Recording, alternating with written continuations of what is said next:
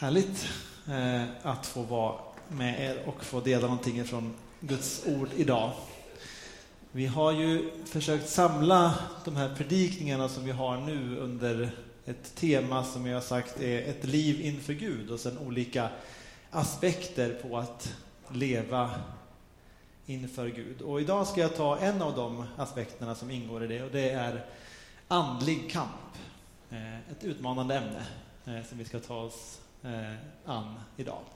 Men jag ber en bön innan jag börjar med det. Ni får jättegärna be med. Tack Herre för att du är här idag. Du är med oss och du känner var och en här inne. Du vet vilka tankar vi har, vad vi går in med i den här gudstjänsten. Och jag ber att du ska möta oss var och en där vi är. Tack för att du älskar oss. I Jesu namn. Amen. Föreställ dig att du ska springa ett maraton. Är det någon som har gjort det här innan?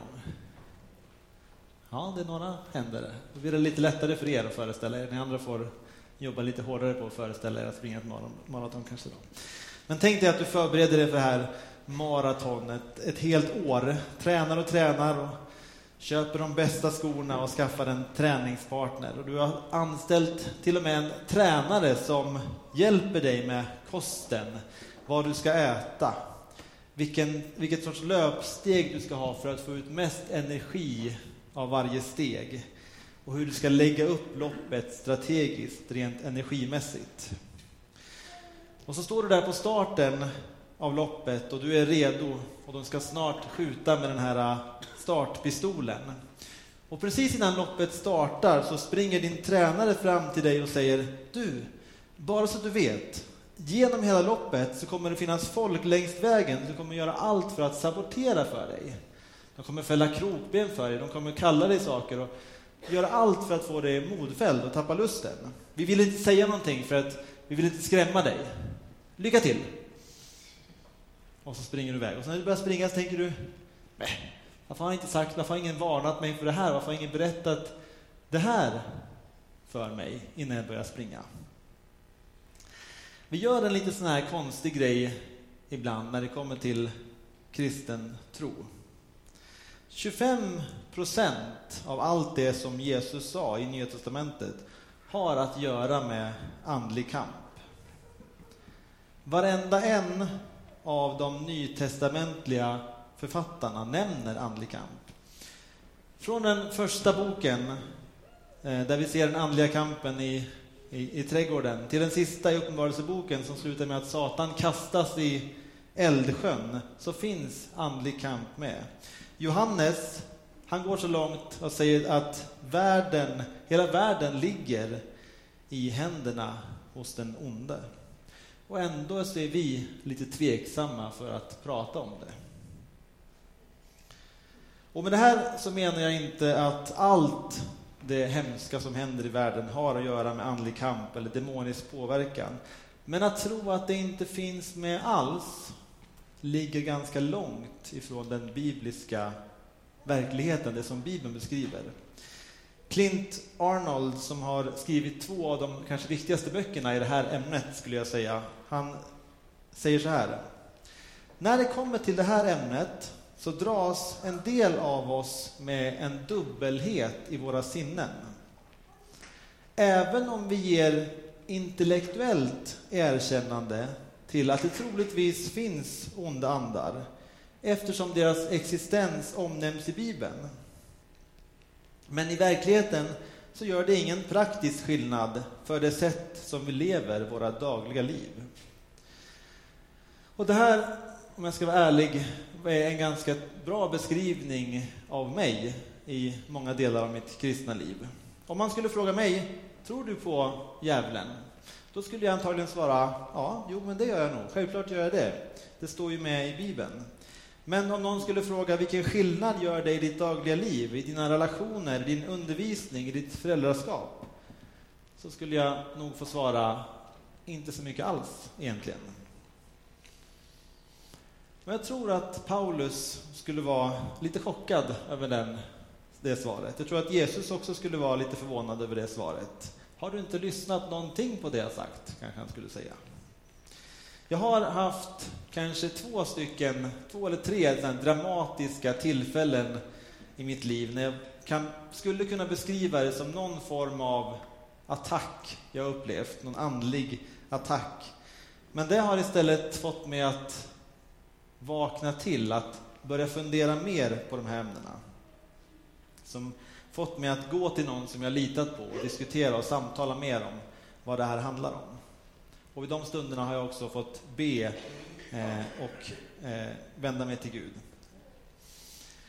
Men hur ska man då börja prata om det här lite svåra ämnet? Mm. Intressant nog så är det så att de nytestamentliga författarna i motsats till kanske mycket annan undervisning som man hör om det här ämnet, som jag i alla fall hört, så ska man inte börja med, så vill de inte börja med någon sorts andlig, högljudd krigsbön, eller vad man skulle kunna kalla det för.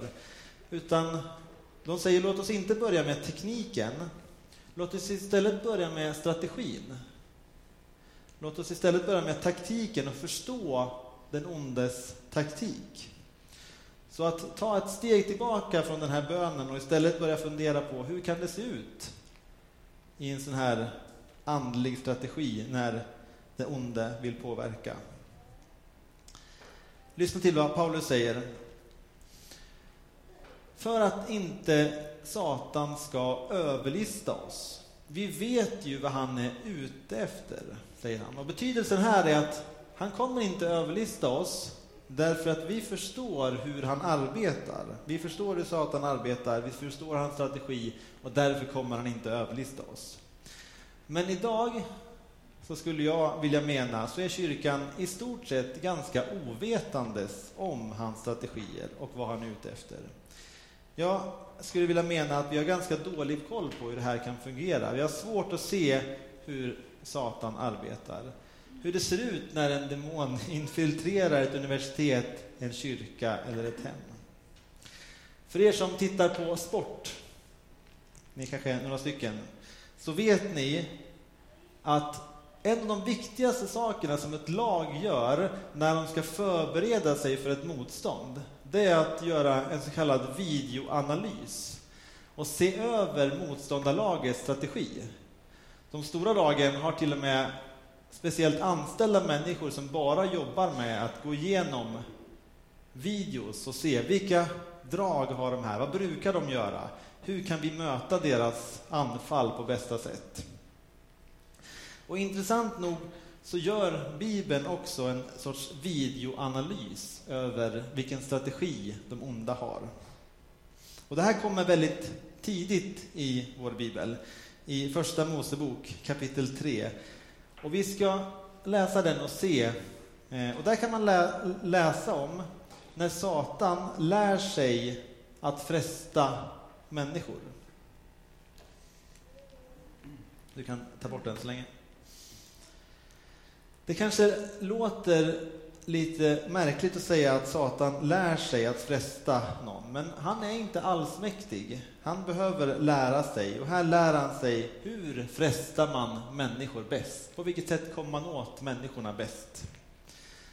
Och då kan vi också eh, ta med oss eller lära oss några av de tendenserna eller dragen och se hur vi kan passa in dem i vår moderna situation där vi befinner oss. Så i första Mosebok kapitel 3, vers 1 så kan vi se så här.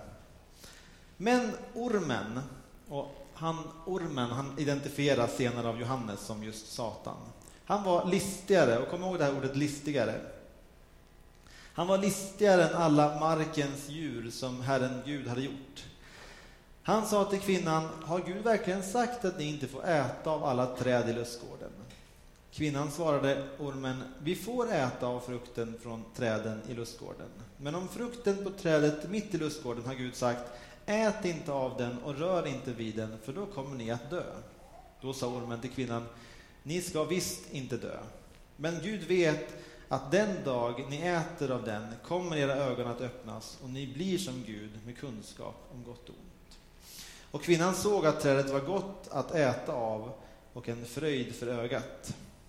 Trädet var lockande eftersom det gav förstånd och hon tog av frukten och åt. Hon gav också till sin man som var med henne och han åt. Det är intressant att, läsa om eh, strategin som, som syns här. Kort bara innan vi ger oss in i den här texten, en liten eh, inblick i att förstå den här texten. När Gud i kapitlet innan det här säger åt Adam att namnge, ge namn åt alla djur. Hur lång tid tror, man att det tog, tror ni att det tog att ge namn åt alla djur i hela världen? Jag kan tänka mig att det tog ganska lång tid, eller hur? Det är ingenting man gör på en handvändning bara. Eh, men Bibeln beskriver det på bara några korta verser. Och jag tror att samma sak händer i den här texten. Det här ska inte förstås som en enda kort konversation mellan Adam, Eva och ormen, utan det här var antagligen någonting som pågick under en längre tid. När C.S. Lewis beskriver den här händelsen, beskriver den här händelsen så beskriver han den att den här frestelsen sker över flera månader. Men vi kan ju kolla på strategin och se om vi hittar någonting. Och för den som undrar, även om man inte ser den här texten som bokstavligt, man kan ju tolka den olika, antingen som mer bokstavligt eller mer som en symbol, så kan man ändå förstå någonting av det här med andlig kamp ifrån den här texten, utifrån hur den är uppbyggd. Så låt oss se på de här olika aktörerna i den här texten då. Vi har Adam och Eva, vi har ormen och så har vi trädet som ger kunskap om gott och ont. Och först har vi Adam och Eva. Adam och Eva skapas lite lägre än änglarna, lite lägre än änglarna. Så beskriver, eh, beskriver de i en av psalmerna i Saltaren. Och det här är såklart någonting som svider i ögonen på Satan. Han som skapades som en ängel, som morgonstjärnan, men som föll. Han ville bli avgudad och tillbedd. Men nu får människan istället, den som skapas lägre än änglarna, på ett sätt vara den som regerar i världen. Och sen har vi ormen, som Johannes sen beskriver som Satan, som beskrivs som det listigaste djuret. Listig kan innebära klok eller slug med en sorts negativ, ondskefull betoning. Och här är det lätt att föreställa sig en orm så som vi gör det. När vi möter en orm, då ryggar vi tillbaka, eller hur? Vi har en sorts instinkt av att ormar är någonting negativt. Men här får man komma ihåg att Eva har ju aldrig träffat en orm innan. Hon har ju inte den här liksom misstänksamheten mot ormen när hon träffar den. Man kan ju tycka att hon borde förstå att det var något misstänksamt med en orm. Men hon har inte den bilden.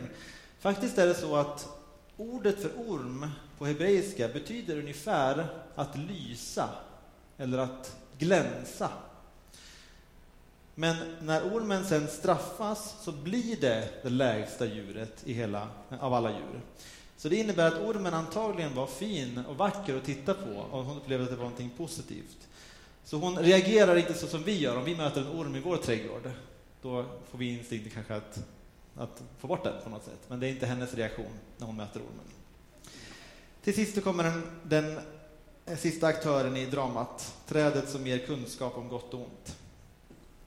En vanlig fråga när man pratar om kristen tro evangelistiskt så kan, kan vara varför gjorde Gud så här? Varför sätter han det här trädet i lustgården? Varför skulle Gud sätta ett träd i paradiset? Varför sätter han det där äpplet där? Folk tror att det är ett äpple. Det står inte, det var antagligen inte ett äpple, men det är det man läser in i texten. Eh, varför sätter Gud det här och vad betyder det?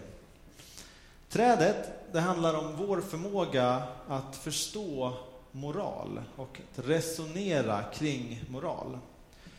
Och många teologer tänker sig att Adam och Eva skulle en dag få äta av det här trädet när de var redo för att börja reflektera kring moral, etik och sådana frågor. Men än så länge så är den viktiga kampen mellan ormen och mellan Adam och Eva frågan, kan ni lita, vågar ni lita på Guds tidsplan för moralisk förståelse? Eller kommer ni att försöka skynda på processen? Ska vi lita på Guds timing när det kommer till frågan om moral? Eller ska ni lita på er egen tidsplan? Det är inget fel med att laga mat över öppen spis, men det är ingenting som passar sig för barn. Adam och Eva var vid det här tillfället barn när det kom till att förstå moral. Så därför sa Gud till dem att ni får inte ta från det här trädet, även om det är fint och ser gott ut och kanske skulle kunna ha någon fördel, så får ni lita på mig och min tidsplan istället för er egen. Med den bakgrunden, med Adam och Eva som lägre än änglarna men som får regera över skapelsen, med ormen som är den listiga Satan och trädet som representerar Guds plan för människa och moral, så ger vi oss in i texten och försöker förstå Satan eller djävulen eller vilket ord man nu föredrar, min, eller föredrar gillar bäst eller, eller gillar minst. Eh, hans strategi. Hur kan den se ut för oss idag? Strategi nummer ett. Frågor istället för påståenden. För så här, om Satan hade kommit fram till Adam och Eva och sagt jag tycker att ni ska göra uppror emot Gud. Då hade de antagligen svarat nej, det är självklart, det vill vi inte göra. Det tänker vi inte göra. Så därför så, istället för att komma med en direkt påstående, så kommer han med en lite listig fråga. Har Gud verkligen sagt? Och frågan som Satan ställer här lite i smyg är den här. Är det verkligen så att det är Gud som har i slutändan auktoriteten att ge befallningar? Är det verkligen så att det är han som får ha den makten att få ge order och befallningar? Gud har ju minsann gett er en massa frihet. Ni får ju uppfylla hela jorden. Ni får ge namn åt djuren precis som ni vill. Ni är fria och ni sköter hand om hela den här planeten, jorden. Är det verkligen så att det är Guds önskningar som gäller? Får Guds vilja stå över er vilja och det som ni vill? Det är den frågan som man kommer med. Och idag så kan vi översätta den här frågan som han kommer med, med till hur mycket makt har Gud egentligen i våra liv? Har han verkligen makten att få bestämma? Har han verkligen makten att få säga att vissa saker, saker är förbjudna? Många skulle idag mena, om man skulle fråga dem, att Bibeln är en intressant bok. Men den har ingenting att göra med rätt och fel. Den har egentligen inget moraliskt värde. De allra flesta, tror jag, om man skulle fråga dem på gatan, skulle kunna hålla med om citatet Bibeln är en sorts lärobok full av berättelser och råd skrivna av människor, men är helt utan övernaturligt ursprung. En populär nyhetssida som jag läste hade för tag en artikel som handlade om 20 klassiska böcker som man verkligen inte behöver läsa. 20 stycken överskattade klassiker som du kan ta bort från din lista. Och Bibeln den kom in som nummer 10 på den listan. Man, skrev, man beskriver Bibeln är upprepande, motsägelsefull, sinnerlig och enfaldig. Och det här var bara de trevliga orden jag hittade på den här beskrivningen. Men hur ser din relation med Bibeln ut? Och då menar jag inte bara så här, hur bra skulle du klara ett bibelquiz? Hur många poäng skulle du få på en frågesport om Bibeln? Eller om du har memorerat Bibeln? Frågan är egentligen, har Bibeln makten eller statusen att säga till dig att låta bli med någonting som du själv verkligen vill göra? Idag så är det väldigt opopulärt bland ungdomsledare eller ungdomspastorer att prata om avhållsamhet, alltså att låta bli med sex innan äktenskapet. För att det går så långt emot vår kultur. En ungdomsledare jag sa, jag pratade med, sa så här. Jag vill inte behandla dem som små barn, som att jag ska säga åt dem vad de ska göra. De är förlovade, de kommer gifta sig, de kan lika gärna ha sex nu. Men här är ju inte poängen att ungdomsledaren ska säga åt dem vad de ska göra, utan frågan är ju vilken position låter vi Bibeln ha i våra liv? Och om reaktionen är nej, den har inte den platsen, då kan det vara en intressant upptäckt man kan göra om sig själv. Även om man är en uttalad kristen så är ens reaktion när Gud säger vissa saker som är förbjudet, då säger man nej, just den här grejen vill jag bestämma själv. Och jag tror att vi kan känna igen oss i olika delar av det här i våra liv. Och det är just den här poängen som Satan vill komma åt i strategi nummer ett. Strategi nummer två, som kanske kommer på powerpointen. Nej, som inte kommer på powerpointen. då ska jag försöka vara tydlig. Eh, den har tyvärr fallit bort. Nummer två, presentera skaparen som begränsande och som osäker. Presentera skaparen som begränsande och som osäker. Har Gud verkligen sagt att ni inte får äta av alla träd i lustgården? Här kan man lägga märke till att han ändrar lite på texten. En liten ändring som framställer Gud istället som att han kommer med massa jobbiga regler. Men cred, eller bra gjort av Eva, hon, liksom, hon fångar den här lilla ändringen som han försöker göra och säger nej, nej, nej, vi får äta från träden, men inte just från det trädet med kunskap om gott och ont.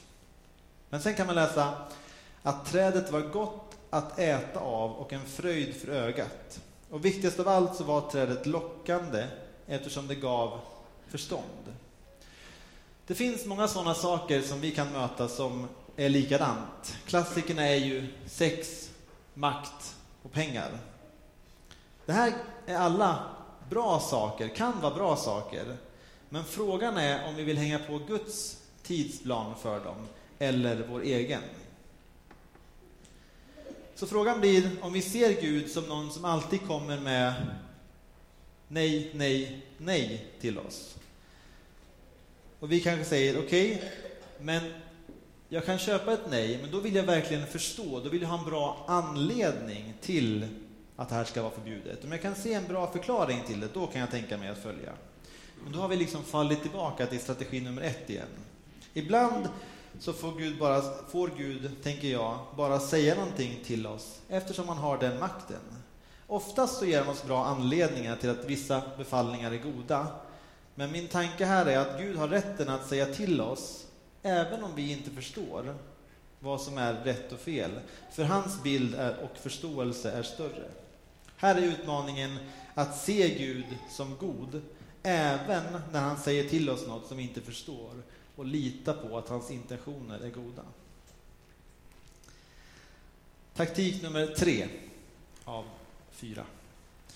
Förminska utfallet utav att göra uppror. Det kommer egentligen inte vara så illa. Ormen säger, ni ska visst inte dö. Visst, Gud har ju sagt att ni ska göra det. Men kom igen, han brukar ju ändå överdriva lite när det kommer till sånt här, eller hur? Jag läste en bok av en, skriven av en kristen eh, familjerådgivare och familjeterapeut som heter Dr. Muehlhoff. Han hade samlat påståenden från eh, par som han hade mött, kristna par som kan få illustrera den här poängen med att minska eh, effekten av eh, att göra uppror. Ja, att lämna min make för en annan kommer kosta lite i det korta perspektivet. Men om jag, men om jag startar ett nytt liv med den här nya personen är det värt det och i slutändan kommer mina barn förstå när de ser hur lycklig jag är. Man intalar sig själv att det är bra, även om forskningen visar tvärtom. Speciellt när det kommer till vilka som får lida vid en skilsmässa. Att titta på porr är lugnt, så länge jag, inte har, så länge jag har det under kontroll. Det är inte så att jag är otrogen med min fru, det är bara bilder, förresten behöver ingen få, veta, få reda på det. Visst, Gud säger åt mig att förlåta, men inte när det kommer till den här personen. Jag tänker inte bli trampad på när det kommer till det här äktenskapet. Min partner får skärpa sig, då ska jag förlåta. Det är inget fel att flörta med en gammal vän på Facebook. Egentligen tar vi bara upp kontakten och hör hur vi har det. Jag måste erkänna att det är skönt att ha någon som uppskattar mig. Jag är trött på att min partner inte ser mig. Så Satan säger, äh, men det är inte så farligt. Skilsmässa, det är okej. Okay. Alla gör det. Porr, det är ingen fara. Förlåtelse, det är lite från gång till gång. Problemet med den här attityden, det är att det rånar oss ifrån kraften av den heliga Ande. Det är andligt motstånd i sin renaste form, vilken i sin tur såklart också påverkar hela vårt kristna liv. Den kända reformerta pastorn John Piper, han kom på ett intressant koncept tycker jag för att beskriva det här. Han kallar det för andlig spetälska. En sak som drabbar spetälska människor, det är att de ofta skadar sina händer för man tappar känseln i handen. Om jag skulle stå här och gestikulera, vilket jag inte gör så ofta, eh, och så skulle jag slå emot handen i podiet så här, då skulle jag tänka, ja ah, just det, så ska jag inte göra igen. Och så låter jag bli att vifta med händerna på det sättet. Men de spetälska tappar känseln i handen och när de slår emot handen så känner man inte det.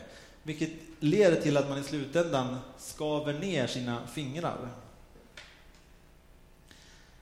Om vi fortsätter att säga till den helige Ande, jag hör vad du säger, men nej. Eller, jag förstår att Bibeln lär ut det här, men jag tänker komma på en egen väg ur det. Då kommer vi till slut tappa känslan, den andliga tjänsten för den kraften och för den helige Ande. Och då är frågan istället, vill vi vara där om vi är kristna? När vi slutar lyssna på den här lilla rösten så blir det till slut som en vana i våra liv. Okej, taktik nummer fyra. Splittra och erövra, eller söndra och härska. Återigen så har vi en sån här liten kommentar i Bibeln som är lätt att missa. När Eva syndar genom att äta från trädet så, så står det i texten hon gav också till sin man som var med henne och han åt. Adam var med Eva. Många förstår det här som att Adam var där psykologiskt, eh, fysiskt, men psykologiskt var han avskärmad ifrån Eva. Och det här är någonting som den onde älskar att göra. Starta gärna fler kyrkor, bara ni inte pratar med varandra. Ha gärna fler relationer och äktenskap. Bara ni ser till att ha så mycket aktiviteter och stress att ni inte hinner på djupet möta varandra. Så för hans skull får man gärna ha gemenskap. Bara man inte kopplar på ett så meningsfullt sätt med varandra att det kan göra någon skillnad eller att man kan stå emot honom. Han hatar enighet. Han försöker alltid att separera oss. Och det kan handla om politik, det kan handla om teologi, om intressen, om livssituationer, om åsikter. Han tar det han kan få för att kunna få människor skilda från varandra. Speciellt när det kommer till kristna relationer. Men hur lyckas han med det här då? Speciellt, hur kan han skapa söndring, söndring bland kristna? Vi som har Bibeln, där Paulus skriver ”Gör allt ni kan för att bevara Andens enhet”. Hur i hela friden kan han lyckas skapa splittring bland de som har den texten? Gör allt ni kan för att bevara Andens enhet. Jo, så här. I Efesierbrevet 4 står det ”Grips ni av vreden, grips ni av vrede, synda inte”. Är det okej okay att bli arg? Ja, antikens folk kallade det till och med för den moraliska känslan. Vi borde bli arga. Jag skulle nästan vilja argumentera att vi borde bli mer arga på hur världen ser ut idag och mer upprörda på vad som sker i världen idag. Men det står, när ni grips av vrede, synda inte. Låt inte solen gå ner över er vrede och ge inte djävulen något tillfälle, står det. Jag tror att det här är hans absolut främsta taktik. Vi blir arga på någon, någon i vår närhet, en chef, en kollega, någon i kyrkan eller var som. Någon gör någonting mot oss och vi blir sårade, något vi inte gillar. Och då blir man arg. Och så säger man ingenting om det av olika anledningar. Och så låter man det bara finnas där, den här ilskan, och väx, eh, som växer i oss. Och så när helst jag talar om den här personen i ett annat sammanhang så blir det negativt. Vi ser till att människor, ofta lite ödmjukt och på ett lite snyggt sätt, förstår att det där är ingen bra person. Och i mötet med den här personen så har värmen försvunnit och medkänslan är borta. Och när vi gjort det tillräckligt länge så kommer vi till det som psykologer kallar för den svåraste formen av konflikt nämligen en underliggande konflikt. Och den är svår att hantera. Kanske kan det här kännas igen i olika områden. Små saker blir stora saker. Disken, som man kanske borde bli irriterad på, blir man istället jättearg över. För att det ligger den här underliggande konflikten som är som bränsle för sådana, eh, som tändväska för sådana konflikter. När vi låter den här ilskan finnas kvar i oss och växa då täcker den till slut hela perspektivet på den människan. Det som kommunikationsteoretiker kallar för icke-kognitiv, ett icke-kognitivt komplext perspektiv. Där människor antingen blir helt goda eller helt onda och vi tappar det svartvita i relationen. Då har vi, som Paulus beskriver, gett djävulen ett tillfälle, någonting att bita sig fast i. En möjlighet, som det också kan översättas. Då har man bjudit in honom i våra relationer, i vårt äktenskap, i vårt jobb, i vårt böneliv eller i vår kyrka. Eller var den är någonstans. En författare som har skrivit över 20 böcker i ämnet har sagt så här. Om jag blev tvungen att välja bara ett sådant tillfälle som vi ger åt djävulen, då skulle jag säga oförlåtelse. Det var det som han såg återkomma igen och igen och igen och skapa så mycket sår. Och jag tror att fler kan hålla med mig om att det här är någonting som vi måste lära oss hantera. Hur många gånger har vi inte sett oförlåtelse och konflikter riva upp relationer i olika sammanhang? Men Paulus och Gud ber oss, snälla låt inte sånt här få söndra oss. Vi behöver se till att, att vi förlåter så som Jesus också har förlåtit oss. Det är jätteviktigt. Jag ska gå mot avslutningen av predikan med hjälp av ett citat från teologen D.J. Kell. Han heter, det är ingen DJ, utan det är D.G. Kell som han heter. Angående den här listigheten som vi pratade om i början. Han skriver så här. Vi faller inte på ett ögonblick. Istället så har vår fallenhet för att ge vika för synden formats, byggts och grott. Men inte nödvändigtvis så att vi märker av det. Satan planterar små stimuli, ofta undermedvetna sådana. Han påverkar attityder, han vinner en liten seger och alltid strävande efter det stora fallet. Det här är någonting vi behöver vara vaksamma för och det här är en analys av sånt. Eh, och hur de strategierna som används emot oss kan se ut. När jag var tonåring så gick jag på jujutsu, alltså en kampsport. Jag höll på ganska länge. Jag kämpade mig upp till blått bälte i jujutsu. Jag vet inte om det säger någonting om så mycket för det, men man börjar i alla fall på vitt, sen får man orange, sen får man rött, sen får man grönt och sen får man blått. Sen får man brunt och sen får man svart, men dit kom inte jag.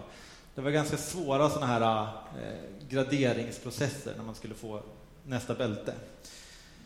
Men jag har alltid varit fascinerad av den här kulturen och hela den här eh, kampsportsaspekten. Speciellt tuffheten kanske, men också att man måste vara den respekten som man hade inför varandra när man eh, tävlade mot varandra. Så en, en gång så åkte vi på ett stort läger utomlands tillsammans med många andra från Sverige som gick på kampsport. Och då hade de bjudit in en riktig mästare. En gammal man dock inte asiat till min stora besvikelse när jag var eh, i den åldern, eh, som jag tänkte mig. Jag har sett, sett massa sådana filmer.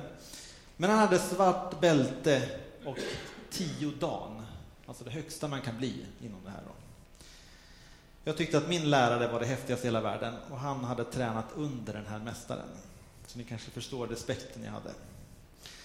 Sen på sista kvällen på det här lägret så fick man chansen att testa att sparra eller låtsas slåss mot den här mästaren. Så jag testade och ställde mig mot honom.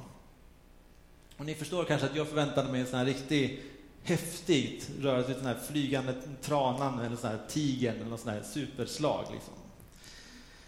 Men istället så stod vi där mot varandra och han började sparka mig på benet så här. Han gjorde först en spark här. Kändes lite som en, när en hund nafsade den på så här. Det var inte alls eh, speciellt hårt. Och jag fick, jag fick nästan lite så här, jag fick liksom bättre självförtroende. Det här, jag kanske kan göra någonting här ändå. Så, så fick jag en till spark på benet. Eh, och så kom det en lite hårdare spark precis bakom knät här. Det sved till, men inte så farligt. Så jag tänkte att jag kanske har en chans här. Och sen gjorde han någonting som jag aldrig kommer glömma bort. Han fejkade ett slag. Han gjorde så här. Och jag kollade direkt ner så här. Och då kom han och klappade till mig på, på kinden så här. Och så var han så här nära med ett smile. Så här. Och så efteråt sa han att här, tre slag eh, och sen en fake, det funkar alltid på blåbältarna.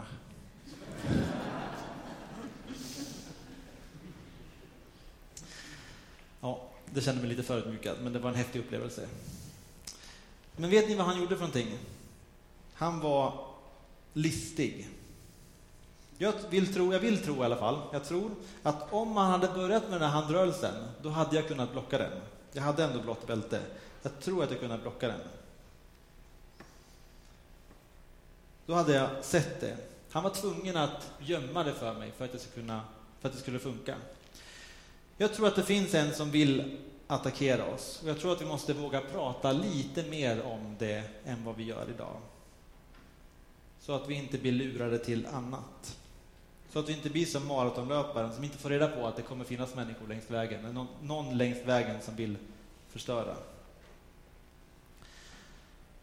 Om vi skulle fråga en kristen om man upplevt andlig kamp så tror jag att de flesta skulle svara nej. Men om man vidare skulle fråga hur tror du att andlig kamp ser ut? Så tror jag att man ofta skulle prata om de här stora slagen, tranan och den flygande tigern. Och så kan det vara. Som sagt, det finns sådana tillfällen i mitt liv när jag upplevt detta. Men jag tror att i de flesta fall så, så är han listig och det kommer subtilt i våra relationer i kyrkor, i våra relationer, eh, genom att få oss att tveka på vem Gud är och genom att splittra oss. Och vi behöver sätta oss emot. Vi behöver kämpa emot. Vi behöver ta på oss Guds rustning som Paulus bjuder in oss att göra, som vi ska eh, prata om i avslutningen av gudstjänsten. Vi behöver förstå djävulens strategi. Därför behöver vi också undersöka oss själva ibland. Hur är min gudsbild? Vilken position har Bibeln och Gud i mitt liv? Bär jag runt på bitterhet och oförlåtelse mot någon? Det här gör vi för våran skull, för våra relationers skull, men också för Guds församling och Guds rikes utbredande. Jag avslutar med en bön. Tack Herre för att vi kan lita på att du är med oss. Hjälp oss att vända oss till dig, att gå med dig och gå under ditt beskydd. Eh, hjälp oss att ta bort oförlåtelse i våra liv och hjälp oss att ha dig högst. I Jesu namn.